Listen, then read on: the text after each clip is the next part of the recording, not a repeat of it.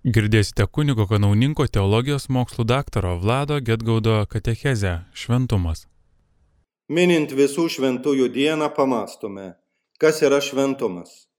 Ne vienas žmogus neišvengia šio klausimo. Kiekvienas į jį atsako savaip arba iš vis neatsako. Pirmiausia, šventumas tai kažkas skirtingo nuo pasauliškumo. Galime sulyginti dvi savokas - šventas ir nešventas geras ir negeras. Kai kas į tai numoja ranka ir pasilieka pasaulyje, jam nereikia šventumo. Tai kažkas svetima, neapčiuopiama, nereikalinga. Giliau pažvelgę, nuo šventumo neišsisuksime, nes tai bendra žmogiška savybė. Dažniausiai žmonės šventumą prilygina gerumui. Šventasis tai geras žmogus, kuriuo gali pasitikėti, jo pavyzdžių sekti, jo žodžių klausyti. Galėtume jo gerumą dauginti iš sutiktų žmonių, jeigu susitiko su šimtu žmonių ir su visais įstengia būti geras, dauginame jo šventumą iš šimto. Jeigu su dviem šimtais, tai jis turi du šimtus šventumo taškų. Skaičiavimas gana paprastas, daugeliui priimtinas, kuriuo lengva naudotis. Šis kriterijus naudingas dar ir tuo, kad paaiškina žmogaus gebėjimą atsiverti kitiems.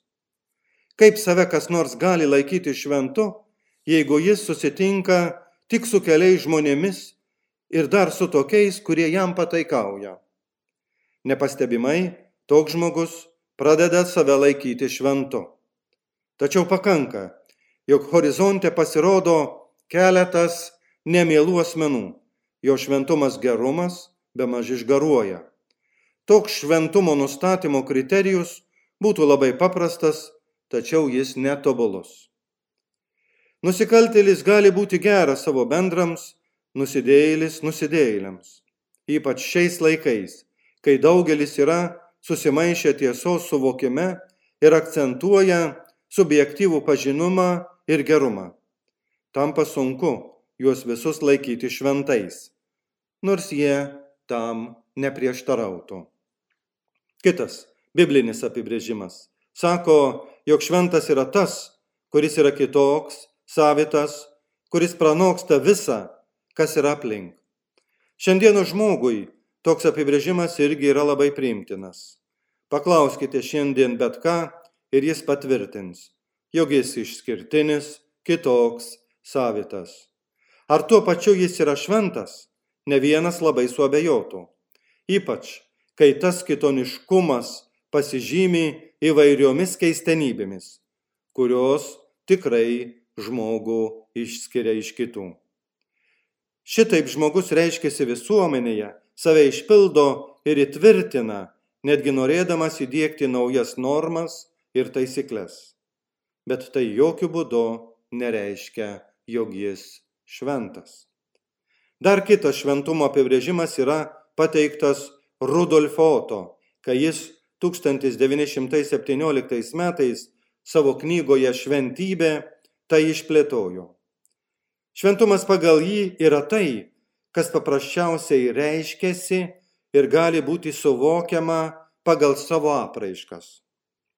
Patiriamos apraiškos yra drauge atstumančios ir bauginančios, tremendum ir tuo pačiu traukiančios, žavinčios, fašinants.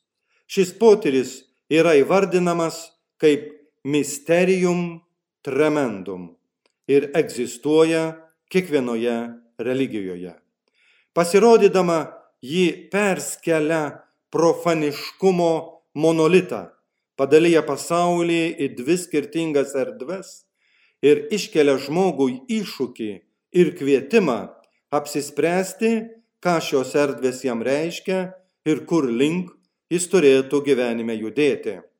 Be abejonės, kasdienybė sukausto ne vieną žmogų ir jis mielai joje nuskesta tarp įvairių daiktų, kurie teikia palaimą ir patogumą. Tačiau kritinėse situacijose arba ribinėse patirtyse skausmas, lyga ir mirtis, netektis, liūdėsys ir panašiai, ji verčia žengti į susitikimą su šventybe ir permastyti savo pasirinkimus ir šventėjimo galimybės. O vis dėlto sakrali dimensija yra reikalinga, ji pakilėja ir leidžia daugiau patirti. Keletas skirtingų pastebėjimų apie šventumą mūsų neprivedė prie aiškesnės sampratos. Kad būtų aiškiau, pažvelkime į savo tikėjimo nuostatas, kurios kalba apie šventumą. Katalikų tikėjimas turi savo šventuosius, į kuriuos mes kreipiamės, kurių gyvenimai mus kažkaip sužavėjo ir patraukė.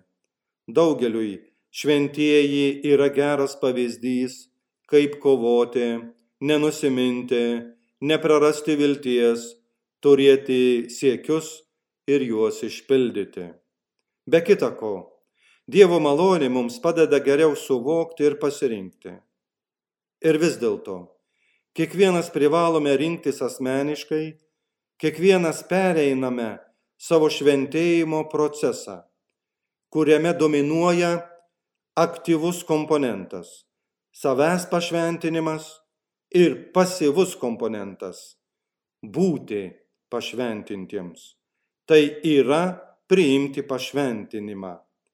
Sutinkame ir tokių žmonių, kurie yra pašventinti, galvoja, jog jau yra šventi ir eliminuoja aktyvų į savęs pašventinimo elementą.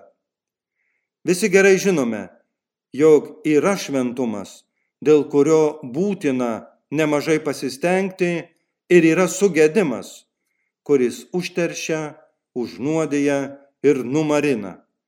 Šią įtampą išgyvena kiekvienas žmogus - fizinėje, psichologinėje, etinėje, socialinėje ir religinėje dimensijose. Žmogus patirdamas šią įtampą ir norėdamas išsilaikyti, turi turėti ne tik šventuosius kaip pavyzdžius ir užtarėjus, bet ir šventumo pagrindą arba šaltinį Dievą, būti tinkamoje jį įtakojančioje aplinkoje. Šventi daiktai, asmenys, erdvės, procesai jam galiausiai sudeda taškus.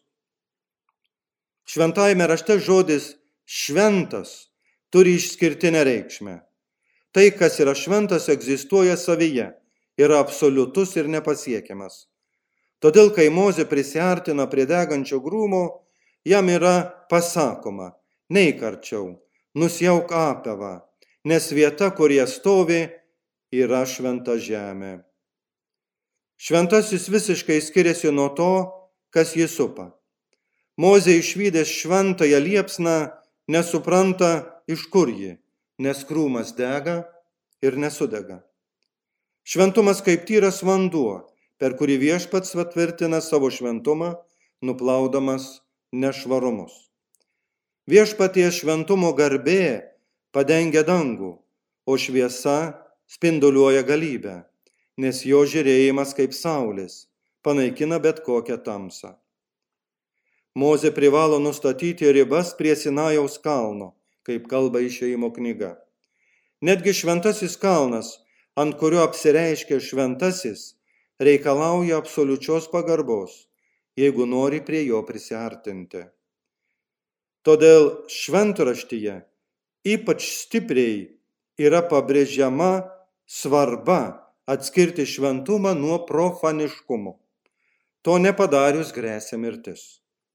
Tai, kas yra šventa, negali būti sumaišyta su niekuo, nes tai išniekintų jo esmę.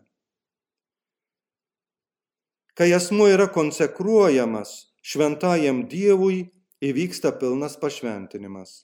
Tokiame pašventinime asmuo dalyvauja ir pats, kadangi atsisako savojo aš ir tuo pačiu jis išlieka atsiveręs pasivus, nes yra paliečiamas ir perkeičiamas. Žmonijos istorijoje nuolat vyko asmenų ir daiktų pašventinimas. Taip jie būdavo įterpiami į šventumo dimenciją. Ką tai reiškia? Žmogus naudoja kasdienius daiktus, bendrauja su aplinkiai esančiais žmonėmis. Jis mato tik išorinę daiktų ir žmonių pusę ir taip juos sudaiktina, paverčia savo naudos objektais. Galėtume pasakyti, kai asmuo yra konsekruojamas šventajam Dievui, įvyksta pilnas pašventinimas. Tokiame pašventinime asmo dalyvauja ir pats, kadangi atsisako savojo aš ir tuo pačiu jis išlieka atsivėręs, pasyvus, nes yra paliečiamas ir perkeičiamas. Žmonijos istorijoje nuolat vyko asmenų ir daiktų pašventinimas. Taip jie būdavo įterpiami į šventumo dimenciją. Ką tai reiškia? Žmogus naudoja kasdienius daiktus, bendrauja su aplink jie esančiais žmonėmis. Jis mato tik išorinę daiktų ir žmonių pusę ir taip juos sudaiktina, paverčia savo naudos objektais. Galėtume pasakyti, jog elgesi pragmatiškai, atsirenkia tai, kas jam reikalinga, o nereikalingus atmeta arba ignoruoja.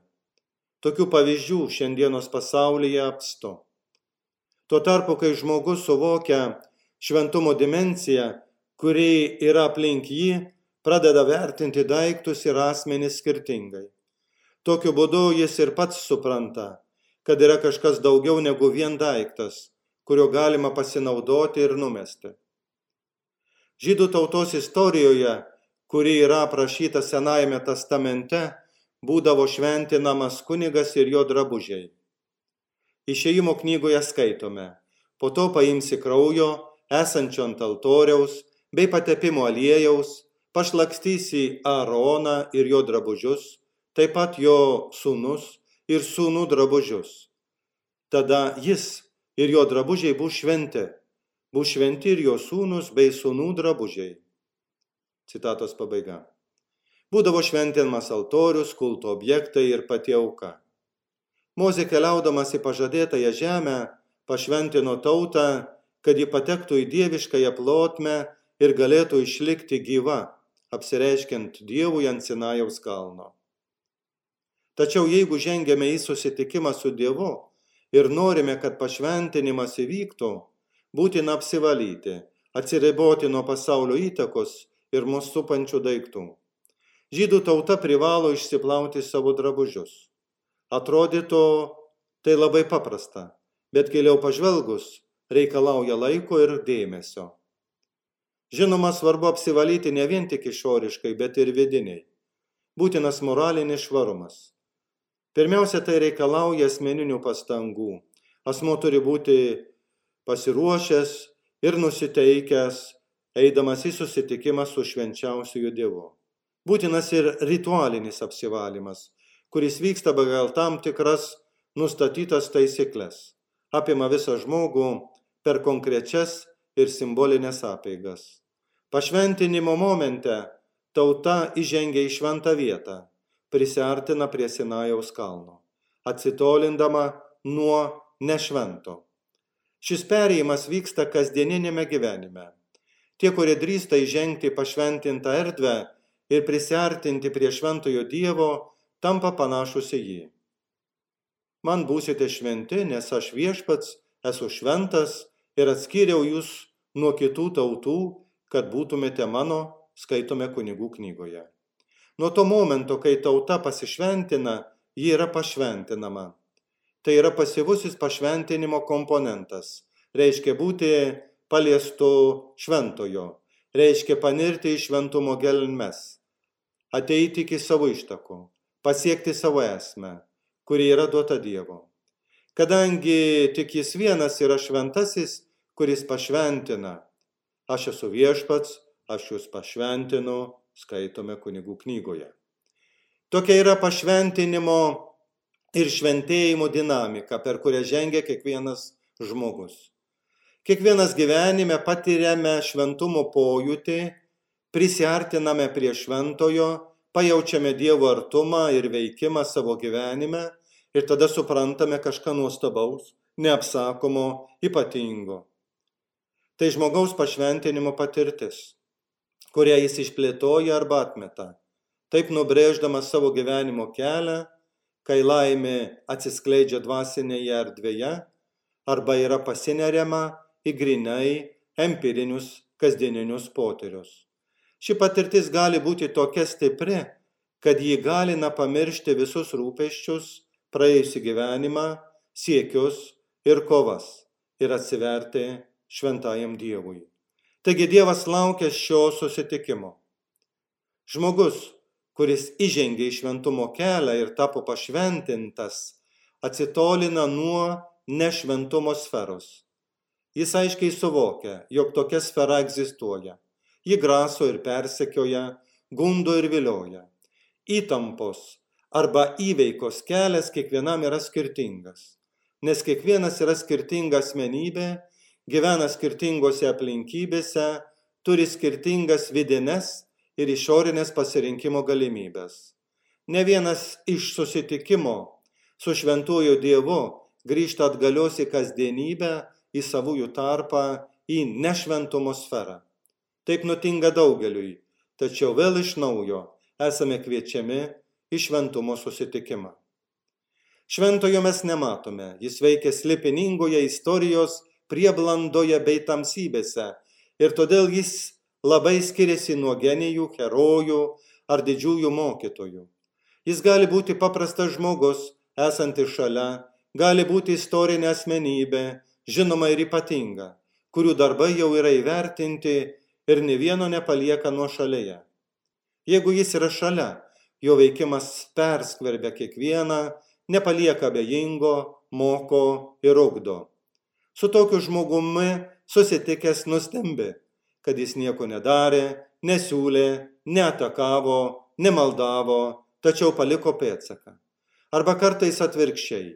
Jis grobus, reikalaujantis, nepatenkintas, reiklus, įžeidžiantis, net nemielas. Tačiau jis palieka gerą pojūtį, leidžia suprasti, kad gyvenimo pasirinkimai yra labai svarbus kiekvienam žmogui. Šventasis yra pasislėpęs, tačiau jo buvimas skleidžia šviesą. To negalime suprasti pilnai bei pasverti, kaip kad norėtume. Įžengiame į slėpiningą šventumo pajautimo tikrovę. Kad mūsų pasakojimas netaptų labai abstraktus, būtų naudinga pažvelgti į šventųjų biografijas. Žinoma, jų yra daugybė ir kiekvienas iš jų yra skirtingas. Tačiau kiekvienas turi šventumo žymę kuri visiems yra bendra - Dievo šlovė ir žmonių išganimas. Mes paimsime vieną šventąjį ir truputėlį pažvelgsime į jo gyvenimą, kad suprastume, jog šventumas ir šventieji gali būti šalia, mums neįtariant, jog taip yra. Atvirkščiai, galime pagalvoti, jog jie visiškai toli nuo šventumo idealo. Kodėl? Kiekvienas turi asmeninį supratimą ir šventumo išgyvenimo pajautimo kas irgi gali būti visiška klaida.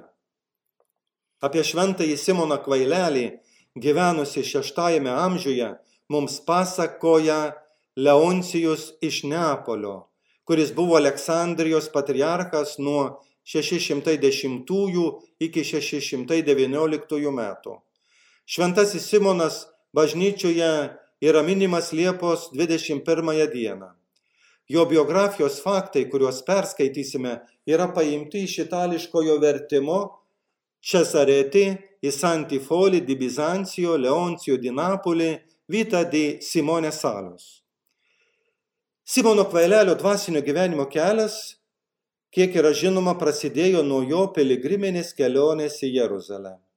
Šioje kelionėje jis susipažino su Jonu, abu jie kilę yra iš Sirijos. Jie tapo draugais. Grįždami iš Jeruzalės, abu nusprendė pasišvesti vienuoliniam gyvenimui. Praėję Jericho miestą pamatė vienuolyną, kuris buvo pastatytas prie Jordano upės. Jėdu pasimeldė, metė burtus ir pasiprašė vienuolyną, kurio abatas tada buvo Nikonas. Tačiau po keletos dienų vienuolyną paliko ir nusprendė gyventi atsiskyrėlių gyvenimą. Įsitaisė vienas nuo kito per akmens metimą ir 29 metus gyveno atsiskyrėlių gyvenimą askezėje ir maldoje. Po to Simonas, pilnas šventosios dvasios galybės, panoro grįžti į pasaulį. Jis tarė, broli Jonai, kokia bus iš to nauda, jeigu mūdu praleisime likusį laiką dykumoje? atidžiai paklausyk manęs, galėtume eiti ir gelbėti taip pat ir kitus žmonės. Iš pradžių Jonas nesutiko, bet po kurio laiko, pasidalinęs patarimais ir pasimeldęs, leido Simonui keliauti. Simonas praleido tris dienas Jeruzalėje, po to patraukė į Emeso miestą, kuriame pasiliko iki mirties ir kur padarė nemažai nesuprantamų ir atrodytų kvailų veiksmų. Galiausiai du žmonės jį rado mirusi po šakų krūva ir palaidojo kapinėse skirtose švetimšaliams. Tačiau jo kūnas niekada nebuvo surastas ir jo relikvijų neišliko. Ši biografija pasakoja apie kvailelio dėl Kristaus gyvenimą, kuris radikaliai keičiasi po tam tikrų veiksmų. Po piligriminės kelionės į Jeruzalę jis pasirenka cenobitinį gyvenimą vienuolynę. Po vienuolyno ilgus eremito gyvenimo metus. Paskui dėl kitų grįžta į pasaulį ir galiausiai miršta niekieno nežinomas. Šventųjų gyvenimuose taip skaitome apie šį šventąjį. Po to, kai ištikimai iškovojo gerą kovą, kai pasirodė dvasios galybės šarvai ir ši galybė pasiekė tokį laipsnį, jog jis galėjo mindžioti gyvates ir skorpionus, kai užgesino kūnišką liepsną šventosios dvasios rasa, kai atmetė bet kokias gyvenimo vilionės ir garbę kaip vorus, ką dar galėtume pridurti, kai jo nejaudino pačios žemumos, kurios buvo jo apsiaustas. Jis išliko toks nuostabus, jog galėjo vadinti sunumi pagal giesmių giesmės žodžius, kurie yra taikomi tyrai ir nepajudinamai sielai. Visa tu graži, sako Kristus sielai. Visa tu graži mano meilė, tavyje nėra dėmesys. Po viso to, atsiliepęs į dievišką įkvietimą, jis šoko iš dykumos į pasaulį, kad susigrumtų su velniu dvi, dvikovoje. Citatos pabaiga. Koks buvo Simono kvailelio elgesys, kaip jis elgėsi pasaulyje, kuo nustebino ir patraukė žmonės prie Kristaus.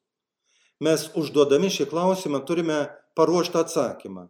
Nuostabus ir sektimini veiksmai. Tačiau taip nebuvo.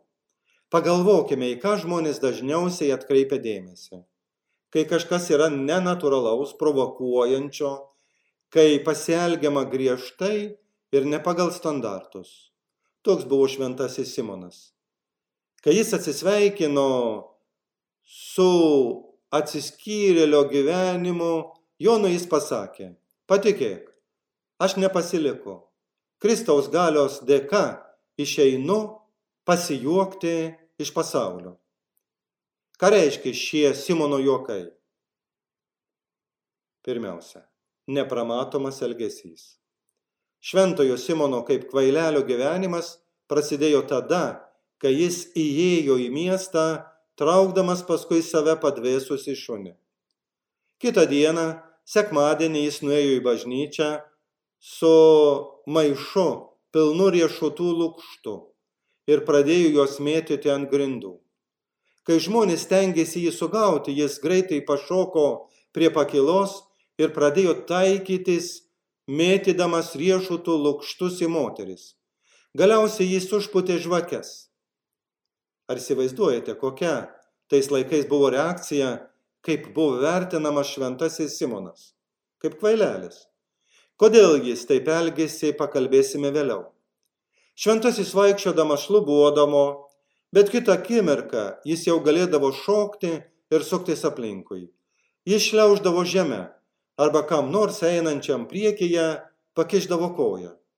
Kai danguje švieti mėnulis, jis ilgai spoksodavo į dangų, po to krisdavo ant žemės ir viską pamiršdavo. Nevienuoliškas elgesys. Kartais jis suvalgydavo visą kibirą pupo. Valgydavo mėsą tarsi nebijodamas Dievo ir nekreipdamas dėmesio jo įsakymus. Anksti ryte, didįjį ketvirtadienį, įėjęs į užeigą, prisikirto iki sotės. Vieną sekmadienį klaidžiojo po miestą užsidėjęs ilgą vėrinį dešrelių, kurias pamažu valgė.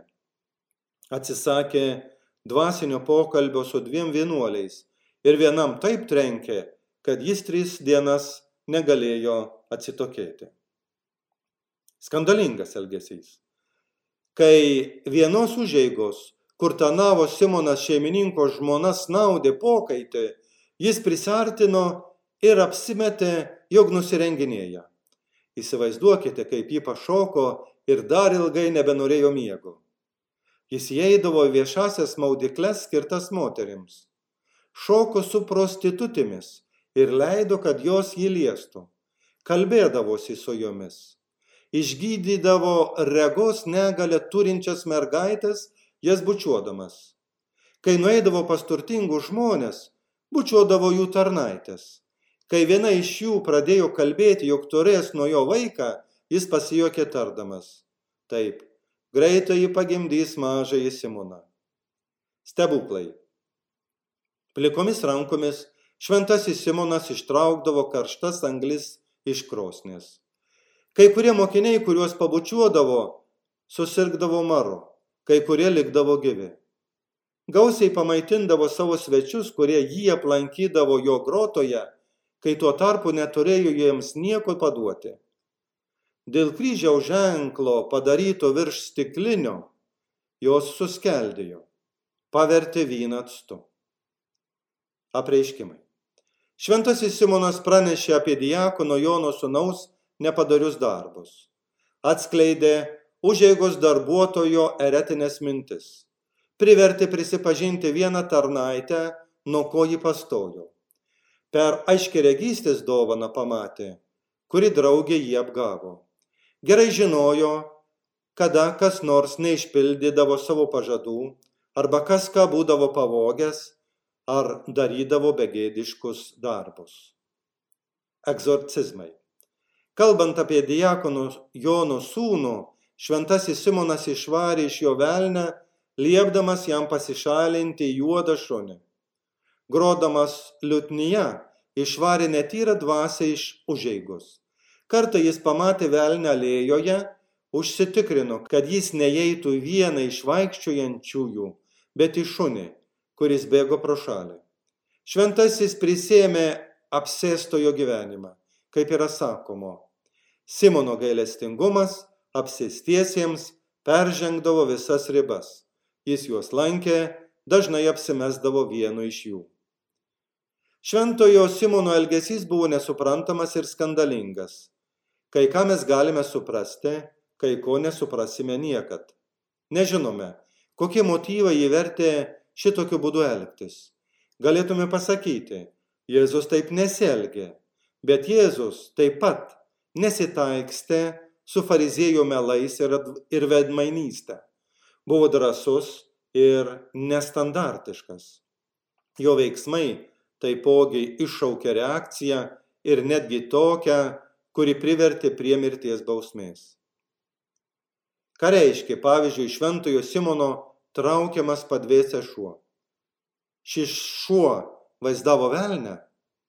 Arba gal jis simbolizavo numirėlį, kuris yra kiekviename iš mūsų?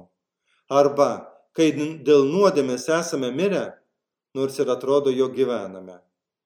Gal šis šuo reiškia paties šventojo Simono mirtį pasauliui?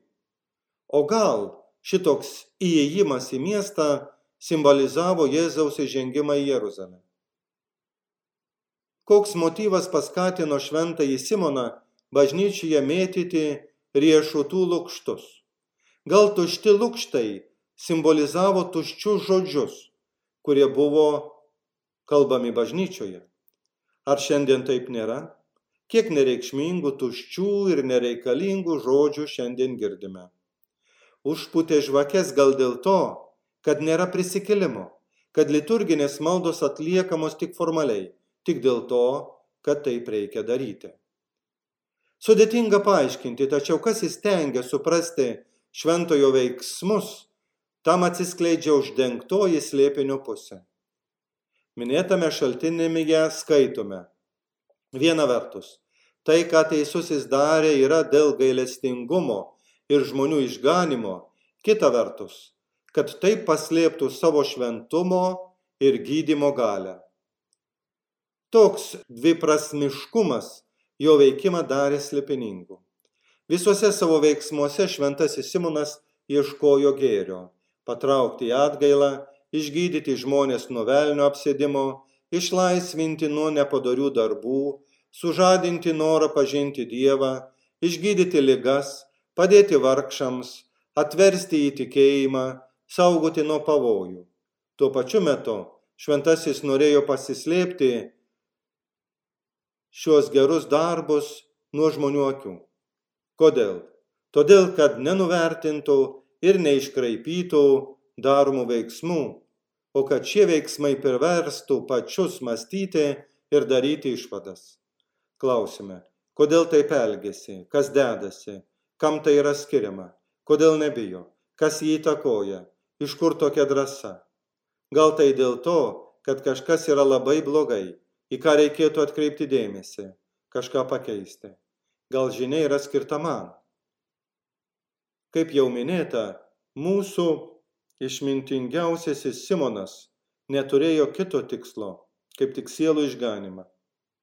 Ar tai būtų atskleidžiant dieviškuosius slėpinius, apie kuriuos kalbėjo arba rimtai, arba juokais, darydamas stebuklus nesamoningų būdu, pateikdamas pranašiškus ženklus, kuriuos parodė elgdamasis kaip kvailelis. Antrasis jo tikslas buvo kad jo dorybės nebūtų pastebėtos ir jis nebūtų giriamas ir žmonių garbinamas. Visas šventojo Simono gyvenimas buvo sisteminis atsiskyrėlio gyvenimas. Jis negyveno įprasto socialinio gyvenimo, bet tuo pačiu gyveno mieste, likdamas su žmonėmis. Atsiskleidžia paradoksas. Buvo su žmonėmis, nebūdamas su jais. Užduotis iš ties nelengva, nes būdami žmonių tarpe esame greitai jų įtraukiami, išblaškomi, įtakojami ir prarandame savo užsibrėžtus tikslus. Kartais pakanka vieno žingsnio į vergystę ir priklausomybės. Arba užsispyrimas ir arogancija, netolerancija ir kitos įvairios nuodėmės priverčia mus prarasti savo tapatumą. Nutolęs nuo Dievo pasaulis ieško žmogaus ir siūlo įvairius malonumus. Jų tiek daug, kad šiandien žmogus nebežino, ką rinktis. Tačiau antra vertus, mūsų siekis artėti prie Dievo yra įrašytas prigimtyje. Tai duotybės, kurios persipynusios kiekviename žmoguje. Mes nekartą norime pasakyti, kad apsisprendėme vieną kartą visiems laikams, tačiau pamirštame, jog privalome kiekvieną akimirką apsispręsti vėl ir vėl. Ištikimas Dievui yra tik tas, kuris žino, kokioje aplinkoje jis gyvena, ko jį iš jo reikalauja ir kokie pavojai ten glūdi. Kadangi visa tai kinta, žmogaus apsisprendimas turi tapti reiklus ir nuolatinis. Baigiame citatą iš minėto šaltino. Jį pamatė iš toli, su iškeltomis rankomis į dangų ir išsigando. Prisiekinėjo, kad matė, kaip liepsnojantys rutuliai nuo jo kilo į dangų. Ir aplink jį buvo tarsi deganti krosnis. Ir jis buvo viduryje. Todėl nedrisau prie jo prisartinti, iki kol jis nebaigė maldos. Kada jis atsigrėžė greitai man pasakė, taigi diakonai, mano Jėzau, mano Jėzau, vos neišgėriai savo taurės eik dabar melstis. Šis išbandymas tau kliuvo, kadangi vakar dviem vargšams, kurie atėjo pas tave, ir tu galėdamas jiems kažką duoti, nedavai nieko, bet juos pavarei šalin. Broli, ar daiktus, kuriuos duodi, yra tavo? Ar netiki žodžiais, kurie tau sako, gausite šimteriopai šiame pasaulyje ir kitame amžinai gyvenime? Jeigu tuo nebejoji, privalai duoti, o jeigu neduodi, tampa aišku, jog netiki viešpačiu.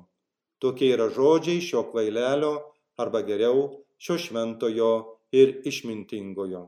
Citatos pabaiga. Į mus pasižiūrėjo tik vienas šventasis, tačiau jų yra daugybė. Tai mus džiugina, įkvepia, guodžia ir veda, bet taip pat ir gazdina. Didi yra Dievo didybė ir šlovė. Girdėjote kunigo kanauninko teologijos mokslų daktaro Vlado Getgaudo katechezę Šventumas.